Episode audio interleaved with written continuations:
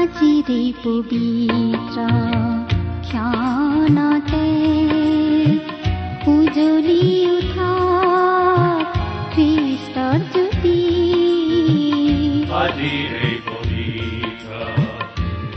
ভক্তিবচন অনুষ্ঠানৰ মজিয়ালৈ আপোনাক স্বাগতম প্ৰিয় শ্ৰোতা। ভক্তিবচন অনুষ্ঠানত আপোনাক পুনৰ লগ পাই আমি নথৈ আনন্দিত। আশা কৰো এই অনুষ্ঠানত প্ৰচাৰ হোৱা বাক্যসমূহে আপোনাৰ ব্যক্তিগত জীৱনত অলপ হলেও সহায় কৰিছে। ঈশ্বৰ এগৰাকী সৰ্বশক্তিশালী ব্যক্তি। তেওঁ পৃথিৱী আকাশমণ্ডল আৰু সৌৰজগতৰ সকলোকে নিজৰ ইচ্ছাৰে আৰু পৰাক্ৰমেৰে শৃংখলাবদ্ধভাৱে স্থিৰ কৰি থৈছে। তেওঁ প্ৰতিটো বিষয়কে একো একোটা নিয়মৰ অৰ্থাৎ নিজ নিজ সীমাৰ অন্তৰ্ভুক্ত কৰি ৰাখিছে। সেইকাৰণে সকলোবোৰ সুন্দৰকৈ চলি আছে। সেইবোৰৰ এটা বিষয়েও যদি নিজ নিয়মক চেৰাই যাবলৈ ধৰে তেন্তে সকলোবোৰ খেলি মেলি অৰ্থাৎ ধ্বংস হ'ব। আমাৰ জীৱনবোৰো তেনেকুৱা আপোনাৰ মোৰ জীৱনটোকো ঈশ্বৰে বৰ সুন্দৰকৈ শৃংখলাবদ্ধভাৱে মংগলৰ আঁচনিৰে সজাই ৰাখিছে ঈশ্বৰৰ পৰাক্ৰমী সুৰক্ষাৰ তলত আপোনাৰ জীৱন সদায় সুৰক্ষিত। তেওঁত আশ্ৰয় ললে। আপুনি জীৱনৰ প্ৰকৃত আনন্দ বিচাৰি পাব। তেওঁৰ বাক্যই আপোনাক তেওঁৰ বিষয়ে আৰু অধিককৈ জানিবলৈ সহায় কৰাৰ আশাৰে এয়া আপোনালৈ আগবঢ়াইছো। ভক্তি বচন।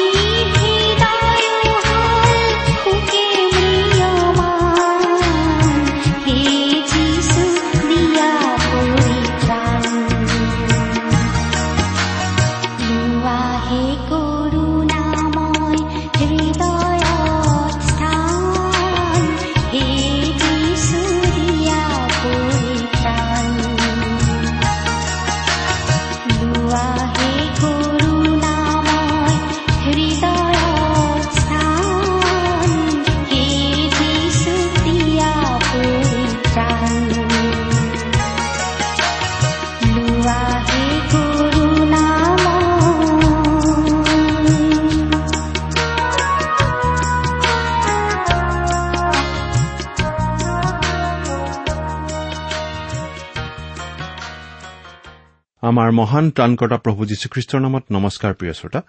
আশা কৰো আপুনি ভালে কুশলে আছে।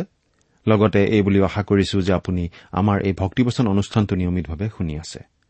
এই অনুষ্ঠান শুনি আপুনি কেনে পাইছে বাৰু? অনুগ্ৰহ কৰি আমালৈ চিঠি পত্ৰ লিখি জনাবচোন।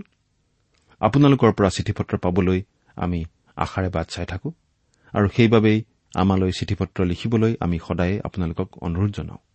আহকচোন আজিৰ বাইবেল অধ্যয়ন আৰম্ভ কৰাৰ আগতে খন্তেক প্ৰাৰ্থনাত মূৰ দুৱাওঁ। আমি প্ৰাৰ্থনা কৰো। হে আমাৰ স্বৰ্গত থকা মহান পিতৃ ঈশ্বৰ প্ৰথমতেই তোমাক ধন্যবাদ দিওঁ কাৰণ তুমি আমাক আকৌ এটা নতুন দিন দেখিবলৈ দিলা আৰু তোমাৰ বাক্য অধ্যয়ন কৰিবলৈ আমাক আকৌ এটা সুযোগ দিলা। প্ৰভু তোমাৰ বাক্যৰ নিগৃঢ়তত্ব বুজাই দিয়াৰ ক্ষমতা আমাৰ নাই। সেই সামৰ্থ্য আমাৰ নাই। তুমিয়েই আমাক বুজাই দিয়া। আমাৰ মৰমৰ শ্ৰোতাসকলক তোমাৰ মাত শুনিবলৈ দিয়া। তেওঁলোকৰ জীৱনত তোমাৰ অনুগ্ৰহৰ আশীৰ্বাদ প্ৰকাশ পাই উঠিবলৈ দিয়া। এই অনুষ্ঠানৰ আৰম্ভণিৰ পৰা শেষলৈকে তুমি আমাক পৰিচালিত কৰা। কিয়নো এই প্ৰাৰ্থনা আমাৰ পাপৰ প্ৰায়চিত্ৰ কৰিবলৈ ক্ৰুচত প্ৰাণ দি তৃতীয় দিনা পুনৰ জি উঠি এতিয়া স্বৰ্গত আমাৰ বাবে নিবেদন কৰি থকা ত্ৰাণকৰ্তা প্ৰভু যীশুখ্ৰীষ্টৰ নামত আগবঢ়াইছো।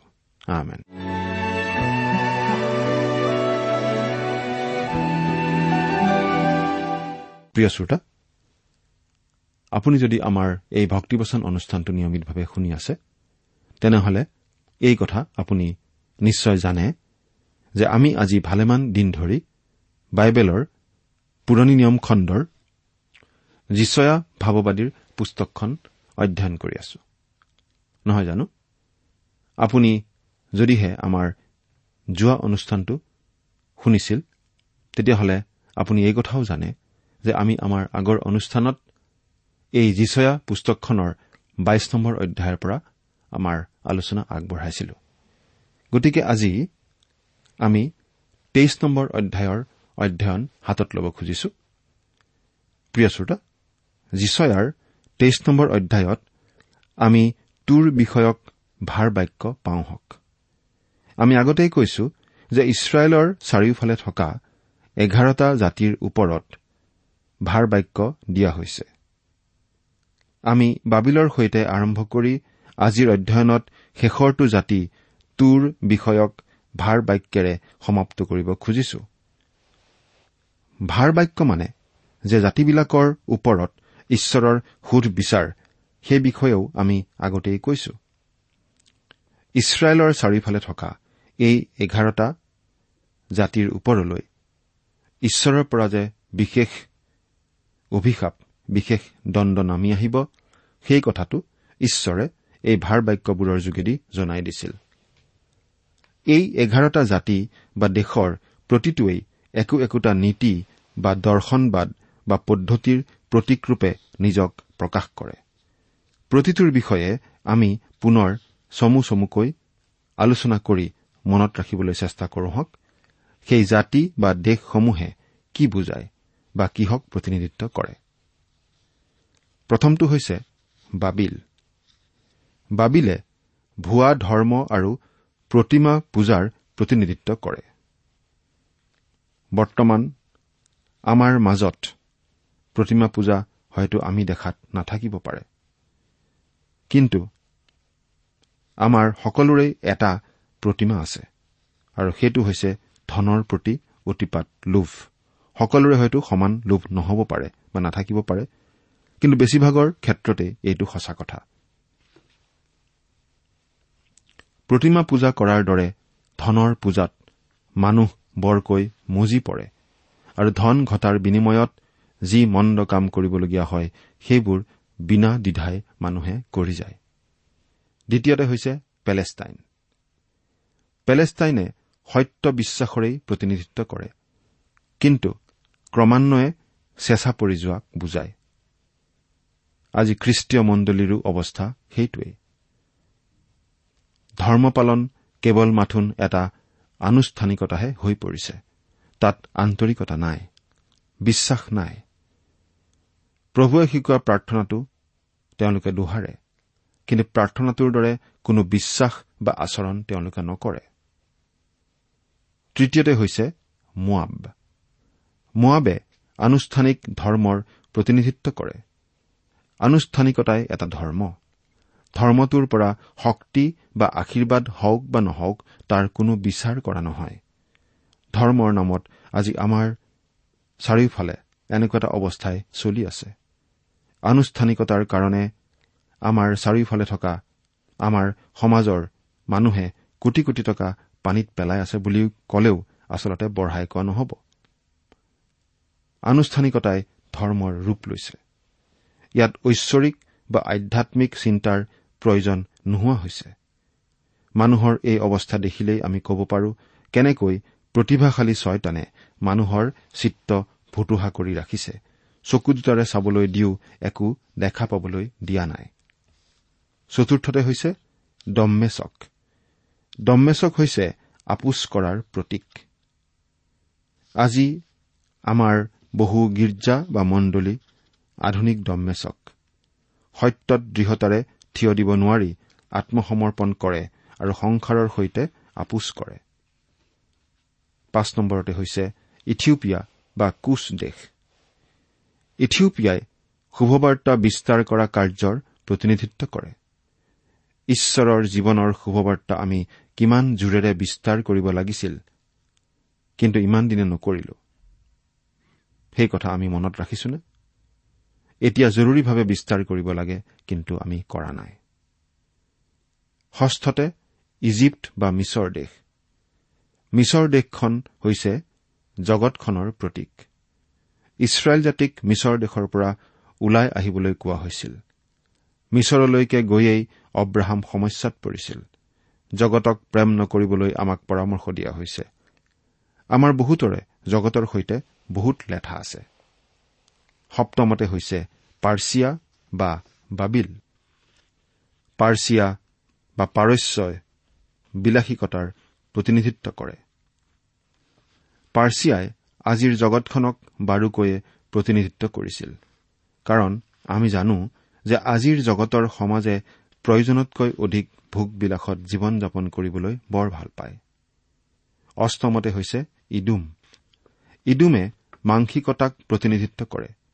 নিজৰ মাংসৰ সন্তুষ্টি ঘটোৱাৰ পাছত গাভৰুৰ প্ৰতি প্ৰদৰ্শন কৰা ভুৱা প্ৰেম ডেকালৰাৰ সিমানতে শেষ হয়। লাভতো নলগা কামতো নহা ৰঙা বগা পানীসোপা গিলা মাংসৰ সন্তুষ্টিৰেই কাৰবাৰ। নৱমটো হৈছে আৰবিয়া আৰবিয়াই যুদ্ধ বিগ্ৰহৰ প্ৰতিনিধিত্ব কৰে। আমাৰ বৰ্তমানৰ সমসাময়িক সমাজত দুই শ্ৰেণীৰ মানুহ আছে। সেন পক্ষী জাতীয় মানুহ আৰু কপৌ জাতীয় মানুহ। প্ৰকৃততে দুয়োটাই জাগতিক মানসিকতাৰ। পাৰ্থক্য এইখিনিয়েই কেৱল যে কপৌ জাতীয় মানুহখিনিয়ে শান্তি স্থাপনৰ কথা কয় কিন্তু সেই শান্তি স্থাপনৰ কাৰণে সেনজাতীয় মানুহখিনিৰ বিৰুদ্ধে হাতত মৰণাস্ত্ৰ তুলি লৈ যুদ্ধ কৰিবলৈ প্ৰস্তুত থাকে। দশমটো হৈছে দৰ্শনৰ উপত্যকা বা জিৰচালেম। দৰ্শনৰ উপত্যকা বা জিৰচালেমে আধ্যামিক বা ঐশ্বৰিক বিশ্বাসৰ প্ৰতিনিধিত্ব কৰা নাই। কিন্তু ৰাজনীতিৰ প্ৰতিনিধিত্ব কৰিছে। কাৰণ জগতৰ মানুহে ভাবে যে তেওঁলোকৰ সমস্যাৰ সমাধান তেওঁলোকৰ ঈশ্বৰ বিশ্বাসত নাই আছে ৰাজনীতিতহে। ৰাজনৈতিক সমাধানেৰেহে তেওঁলোকৰ সমস্যাৰ সমাধান হ'ব পাৰে বুলি তেওঁলোকে বিশ্বাস কৰে। এঘাৰ নম্বৰটো হৈছে টুৰ টুৰে বাণিজ্য বা ব্যৱসায়ৰ প্ৰতিনিধিত্ব কৰে। বাণিজ্য বা ব্যৱসায়েৰে দ্ৰুত পইচা ঘটা যায়। আন কথাত টুৰে দ্ৰুত টকা পইচা বনোৱাৰ উপায়ৰেই প্ৰতিনিধিত্ব কৰে। ইয়াত মূল বস্তুটো হৈছে টকা। বাণিজ্যটো হৈছে সেই টকা খুব বেগাই বনোৱাৰ উপায় মাথোন। আজিৰ টুৰ জাতীয় মানুহে ভাবে যে টকাৰে মানুহৰ সকলো দুখ মোচন কৰিব পাৰি। দুখীয়াৰ দুখ মোচনৰ বাবে কোনো পৰিকল্পনা হাতত ললেই বহু নেতা নেত্ৰীয়ে অধিক টকাৰ প্ৰয়োজনৰ কথা কৈ ওকালতি কৰে। টকাখিনি যোগাৰ কৰি দিয়া হলে দুখীয়াই দুখতেই থাকে কিন্তু দুখীয়াৰ হৈ ওকালতি কৰা সেই দুখীয়াৰ ধনেৰে ধনবান চলাওঁতাসকল অধিক ধনবান হয়। কিয় তেনে হয়? কাৰণ পাপ কালিমাৰে কলুষিত তেনেকুৱা চলাওঁতাসকলে দুখীয়াৰ দুখ আচলতে কেতিয়াও মোচন কৰিবলৈ নেজানে। জোৰাওকৈ টকা পালেও দুখীয়াৰ দুখ মোচন কৰিবলৈ তেওঁলোকে উপযুক্ত লোক নহ'ব। পাপ কালিমাৰে কলুষিত এই ঈশ্বৰবিহীন লোকসকলে দুখীয়াৰ দুখ দূৰীকৰণৰ সঠিক ব্যৱস্থা কেতিয়াও ল'ব নোৱাৰিব। গতিকে তেনে লোকসকলে ব্যৱসায়েৰে দ্ৰুতগতিৰে ধন ঘটিলেও জোৰাওকৈ ধন হাতত পালেও মানুহৰ সমস্যা সমস্যা হৈয়েই থাকিব। কেৱল খ্ৰীষ্টৰহে দুখীয়াৰ প্ৰতি প্ৰকৃত মৰম চেনেহ ভালপোৱা আছে। আৰু তেওঁহে জানে তেওঁলোকক কেনেকৈ সহায় কৰিব লাগে। যিসকলে খ্ৰীষ্টক তেওঁলোকৰ জীৱনৰ পৰিত্ৰতা প্ৰভু আৰু ঈশ্বৰৰূপে গ্ৰহণ কৰি তেওঁৰ অনুগামী হৈছে কেৱল তেওঁলোকৰ যোগেদিহে যীশুখ্ৰীষ্টই দুখীয়াৰ দুখ মোচন কৰা কামটো ন্যায়ভাৱে আৰু সুচাৰুৰূপে কৰোৱাব পাৰিব। এতিয়া তুৰৰ ভাৰ বাক্যৰ বিষয়ে আমি চাওঁ হওক। তুৰ আৰু চিডুন ফৈনিকীয়া অঞ্চলৰ দুখন বৃহৎ নগৰ আছিল। চিডুন প্ৰকৃততে মাতৃনগৰৰ নিচিনা আছিল। কিন্তু জীয়ৰী নগৰ ৰূপে তুৰে অতি সোনকালে আকাৰ আৰু উন্নতিটো চিডুনতকৈ বহুগুণে আগুৱাই গৈছিল। ফৈনিকীয়া অঞ্চলৰ জাহাজবোৰ ভূমধ্যসাগৰৰ সকলোবিলাক বন্দৰতেই লাগিছিল। আনকি অনুমোদিত নোহোৱা আন সাগৰৰ বন্দৰ হাৰ্কিউলিছৰ খুটা বোলা বন্দৰ পৰ্যন্ত ফৈনিকীয়া কোনো কোনো জাহাজ গৈছিল।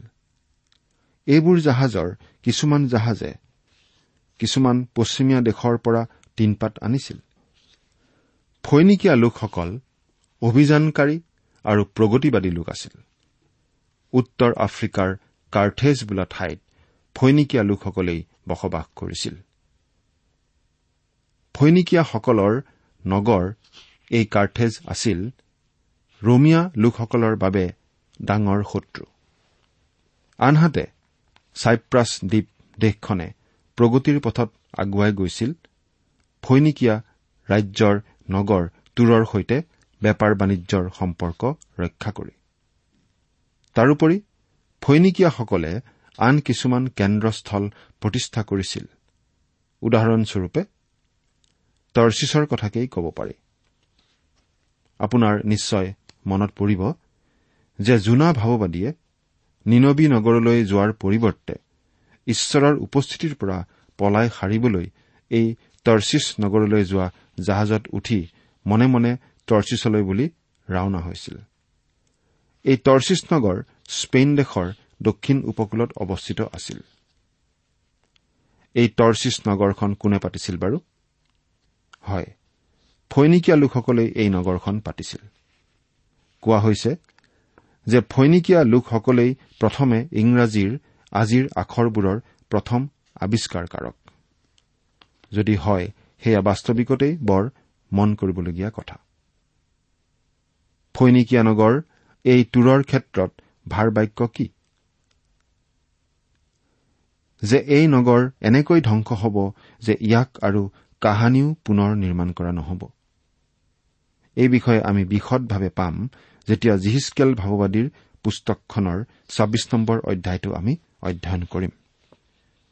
ঈশ্বৰে তেওঁৰ ভাৱবাদী দাসৰ যোগেদি কৈছিল যে বাবিলে তুৰ আক্ৰমণ কৰিব আৰু তাৰ নিবাসীবিলাকক বন্দী কৰি লৈ গৈ সত্তৰ বছৰ কাল বন্দী জীৱন খটুৱাব। যেনেকৈ যীহুদাকো সত্তৰ বছৰ কাল বন্দী জীৱন খটুৱাইছিল। ইছৰাইলীয়াসকলৰ দৰেই তুৰৰ লোকসকলো সত্তৰ বছৰ বন্দী জীৱন খটাৰ পাছত নিজৰ দেশলৈ ঘূৰি আহিছিল।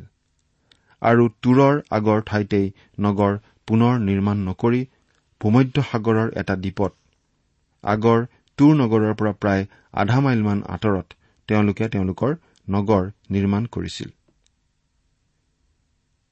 জিহিচকেল ছাব্বিছ নম্বৰ অধ্যায়ত ঈশ্বৰে কৈছিল যে পুৰণি তুৰৰ যি ভগ্নাৱশেষ সেইখিনিও নিশ্চিন্ন কৰি পেলোৱা হ'ব আৰু ঠিক সেইদৰেই ঘটিছিল।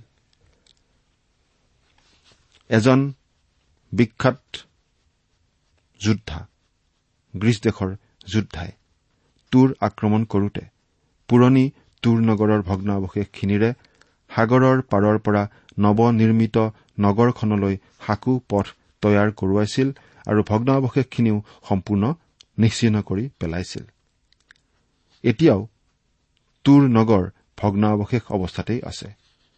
তেতিয়াৰ তুৰৰ ওচৰতে তুৰ্কিস্তানৰ এখন সৰু নগৰ আছে কিন্তু তুৰ কেতিয়াও পুনৰ নিৰ্মিত নহল আৰু নহব। তুৰ নগৰখন যে ধ্বংস হল তাৰ দায়িত্ব ঈশ্বৰেই দাবী কৰিছে। তেইছ নম্বৰ অধ্যায়ৰ এক নম্বৰ পদটো পাঠ কৰি দিছো শুনিবচোন।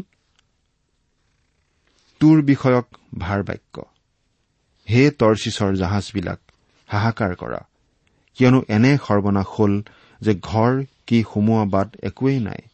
সিহঁতে কৃত্ৰিম দেশ পোৱাত এই বাৰ্তা সিহঁতৰ আগত প্ৰকাশ কৰা হল।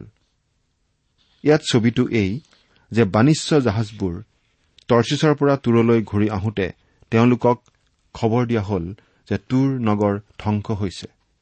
তেওঁলোক নগৰখনৰ ফাললৈ চাই দেখিছিল কেৱল ধোঁৱা আৰু ধোঁৱা। আৰু কিছু কাষ চাপি দেখা পাইছিল। নগৰখন ধ্বংস কৰি মাটিৰ সমান কৰি পেলোৱা হৈছিল আৰু জাহাজ লগাবলৈ বন্দৰখন বন্ধ কৰি পেলোৱা হৈছিল। সেয়া আৰু কাহানিও বাণিজ্যৰ কেন্দ্ৰস্থল নহ'ব। তেইছ নম্বৰ অধ্যায়ৰ দুই নম্বৰ পদ হে দ্বীপ নিবাসীবিলাক তোমালোক নিমাত হৈ থাকা। চিডনীয়া বণিকবিলাকে সমুদ্ৰ পাৰ হৈ আহি তোমাক পৰিপূৰ্ণ কৰিছিল। চিডুন তুৰৰ ওপৰৰ ফালে প্ৰায় ত্ৰিশ মাইল দূৰৈৰ এখন নগৰ আছিল। নগৰ দুখনৰ সম্বন্ধ ভাত আৰু পানীৰ নিচিনা আছিল। ইটো থাকিলে সিটো থাকিবই লাগিছিল কাৰণ ফৈনিকীয়াসকলৰ এই দুখন প্ৰধান চহৰ আছিল। আচলতে চিডুনৰ বণিকসকলেই তুৰ নগৰ পতা আৰু তাৰ উন্নতি সাধনত উল্লেখযোগ্য অৰিহণা যোগাইছিল। তুৰৰ ক্ষেত্ৰত তাৰ ধ্বংসৰ যেনে ভাৱবাণী দিয়া হৈছিল ঠিক তেনেদৰে ধ্বংসও হৈছিল। কিন্তু চিডুনৰ ক্ষেত্ৰত কোনো ভাৱবাণী দিয়া হোৱা নাছিল। আৰু বৰ আচৰিত কথা যে চিডুন নগৰ আজিও বৰ্তি আছে। বৰ্তমানৰ চিডুন আজি তৈল বন্দৰ ৰূপে বিখ্যাত। তেইছ নম্বৰ অধ্যায়ৰ তিনি নম্বৰ পদ। চিহুৰৰ উৎপন্ন দ্ৰব্য মহাজলত আছিল। নীল নদীৰ শস্য তাৰ আয় হৈছিল আৰু সেয়ে জাতিবিলাকৰ নিমিত্তে লাভ আছিল। চিহুৰৰ অৰ্থ হৈছে কলা আৰু সেয়ে উজনিৰ নীল নদীক বুজায়। উজনিৰ এই নীল নদীৰ দুকুল টকা বানে মিছৰৰ ভূমিত পলস পেলাই ভূমি সাৰুৱা কৰিছিল। মিছৰত উৎপাদিত দ্ৰব্যসমূহ তুৰ বন্দৰেদি ৰপ্তানি কৰা হৈছিল কিন্তু তুৰ ধ্বংস হোৱাৰ পাছৰ পৰা সেই সুবিধা নোহোৱা হোৱাত ব্যৱসায় বাণিজ্যত গভীৰ হতাশা গা কৰি উঠিছিল। হে চিডুন তুমি লজ্জিত হোৱা কিয়নো সাগৰে সমুদ্ৰৰ দৃঢ় কোঠে কৈছে মই প্ৰসৱ কৰা নাই মই সন্তান উপজোৱা নাই মই ডেকাবিলাকক প্ৰতিপালন কৰা নাই নাইবা যুৱতীবিলাকক ডাঙৰ দীঘল কৰা নাই। ইয়াৰ অন্তৰ্নিহিত কথাটো হৈছে যে চিডুনেই তুৰৰ জন্মদাত্ৰী মাতৃৰ নিচিনা আছিল আৰু তুৰ চিডুনৰ জীয়ৰী স্বৰূপা আছিল। কিন্তু এতিয়া তুৰ ধ্বংস হোৱাৰ পাছৰ পৰা চিডুনে আৰু কোনো নগৰ বা বন্দৰ পাতিব পৰা নাছিল। তেইছ নম্বৰ অধ্যায়ৰ পাঁচ নম্বৰ পদ।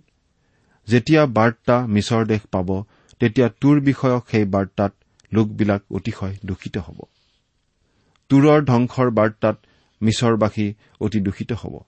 কাৰণ তুৰ ধ্বংস হোৱাৰ বাবে তেওঁলোকৰ উৰ্বৰা ভূমিত উৎপাদন হোৱা বস্তুবোৰৰ ব্যৱসায়ত মাধমাৰ পৰিব। সহজ আৰ্জনৰ বাট বন্ধ হ'ব। পদ তোমালোকে টৰ্চিছলৈ পাৰ হৈ যোৱা। হে দ্বীপ নিবাসীবিলাক হাহাকাৰ কৰা। তুৰৰ ধ্বংসৰ বতৰাত তেতিয়াৰ বিদিত বিশ্বত বিশ্বজোৰা দুখ বেজাৰ হৈছিল। আনকি দূৰৰ উপকূল অঞ্চলত অৱস্থিত নগৰসমূহলৈকে এই শোকবাৰ্তা বিয়পি গৈছিল।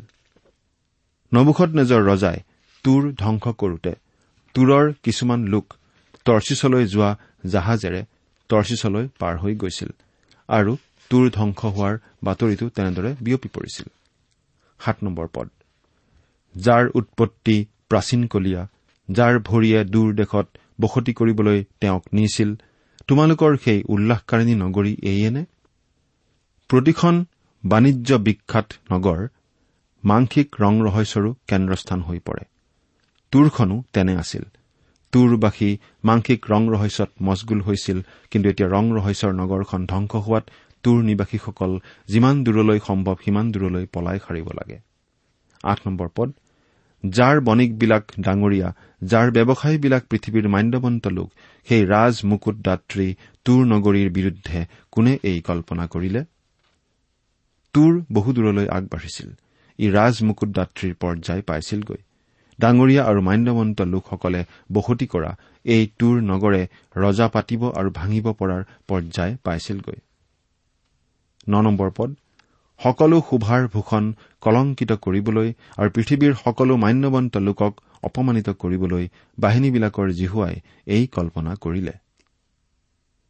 তুৰ ধ্বংস কৰিবলৈ বাহিনীবিলাকৰ জিহুৱাইয়েই মনস্থ কৰিছিল আৰু তাৰ বাবে কোনো মনোদোষ নকৰাকৈ দায়িত্ব স্বীকাৰ কৰিছে। তুৰ ধ্বংস হবলগীয়া হোৱাৰ বাবে মানুহৰো যে দায়বদ্ধতা আছে তাক আমি দহ নম্বৰ পদৰ পৰা পাওঁ। দহ নম্বৰ পদ। হে টৰ্চিছ জীয়ৰী নীল নদীৰ নিচিনাকৈ নিজ দেশৰ মাজেৰে যোৱা তোমাৰ কটিবন্ধন আৰু নাই। পূৰ্বে তুৰে টৰ্চিছক নিজৰ নিয়ন্ত্ৰণত চলাইছিল। কিন্তু এতিয়া নিয়ন্ত্ৰণকাৰী যিহেতু ধ্বংস হৈছে টৰ্চিছে এতিয়া নিজৰ ইচ্ছা আৰু পৰিকল্পনাৰে চলিব পাৰিব। তেওঁ সমুদ্ৰৰ ওপৰত নিজ হাত মেলিলে। তেওঁ ৰাজ্যবোৰ জোকাৰিলে। যি হোৱাই কণানৰ বিষয়ে তাৰ দুৰ্গবোৰ বিনষ্ট কৰিবলৈ আজ্ঞা দিলে। এই পদতো ঈশ্বৰ জীহুৱাই বিনষ্ট কৰিবলৈ আজ্ঞা দিয়াৰ দায়িত্ব স্বীকাৰ কৰিছে। বাৰ নম্বৰ পদ। আৰু তেওঁ কলে বলাৎকৃত কুমাৰী চিডুন জীয়ৰী তুমি আৰু উল্লাস নকৰিবা। উঠা কৃত্ৰিমলৈ পাৰ হৈ যোৱা তাতো তুমি জিৰণি নাপাবা। চিডুনৰ যি তোৰে ইমানখিনি লাজ অপমান পোৱাৰ পাছতো ইমানখিনি লঘু লাঞ্চনা ভোগ কৰাৰ পাছতো কৰবালৈ গৈ জিৰণি লাভ কৰাৰ আশা অলপ কৰিব পাৰেনে বাৰু?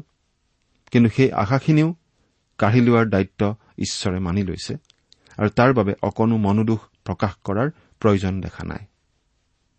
তেৰ আৰু চৈধ্য নম্বৰ পদত পুনৰ ওচৰীয়া আৰু তেতিয়াৰ দিনত বিদিত জগতখনৰ ৰাজত্বকৰ্তা বাবিলৰ কথা আমি পাওঁ। পোন্ধৰ নম্বৰ পদত পাওঁ যে তোৰ বন্দী হৈ বিদেশত বন্দী জীৱন খাটিব সম্পূৰ্ণ সত্তৰ বছৰ কাল। ষোল্ল নম্বৰ পদত পাওঁ যে সত্তৰ বছৰৰ পাছত তোৰ অৱহেলিত বেশ্যা এজনীৰ সদৃশ হ'ব। সোতৰ পদত কোৱা হৈছে যে সত্তৰ বছৰৰ পাছত তোৰ ঘূৰি আহি বিশ্ব বজাৰত পুনৰ ব্যৱসায় কৰি গোটেই জগতখনৰ সৈতে বেশ্যাবৃত্তিত লিপ্ত হ'ব।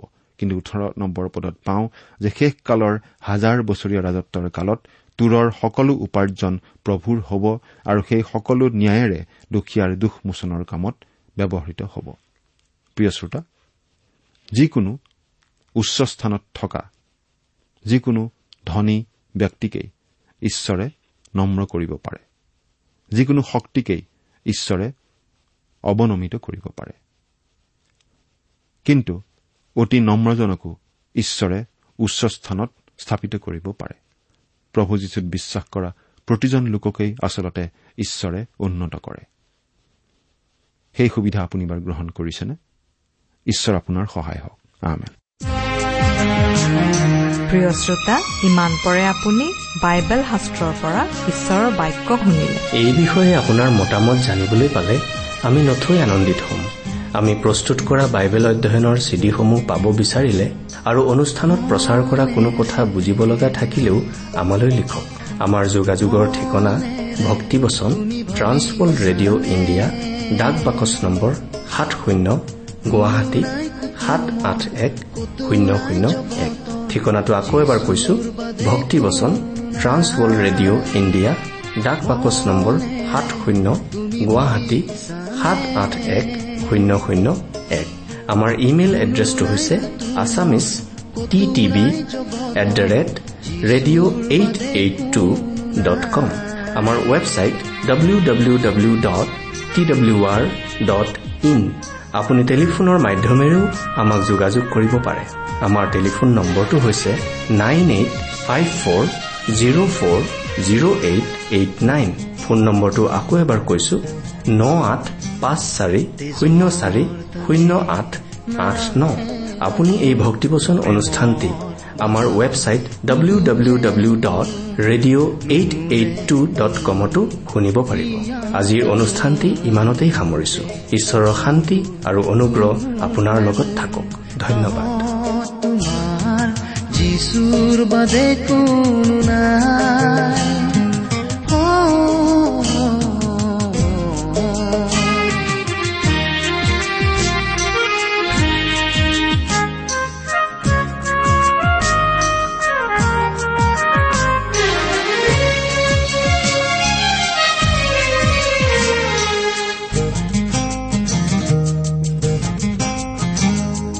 লাগে যদি অহাৰে ভৰা পৰিপূৰ্ণ জীৱন গাথা যিচুৰ তেজে দিয়ে পূৰ্ণতা যিচুৰ কথাই চকুলো মুছে যিচুৰ বাদে কোনো নাই তোমাৰ কাহ মনেৰে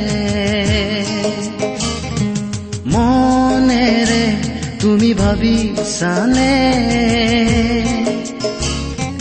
কোনো নাই কুতুমৰ কতো নাই জগতৰ যিচুৰ বাদে কোনো নাই। কোনো নাই কুতুমৰ কতো নাই জগতৰ যিচুৰ বাদে কোনো নাই। যিচুৰ বাদে কোনো নাই। যিচুৰ বাদে কোনো নাই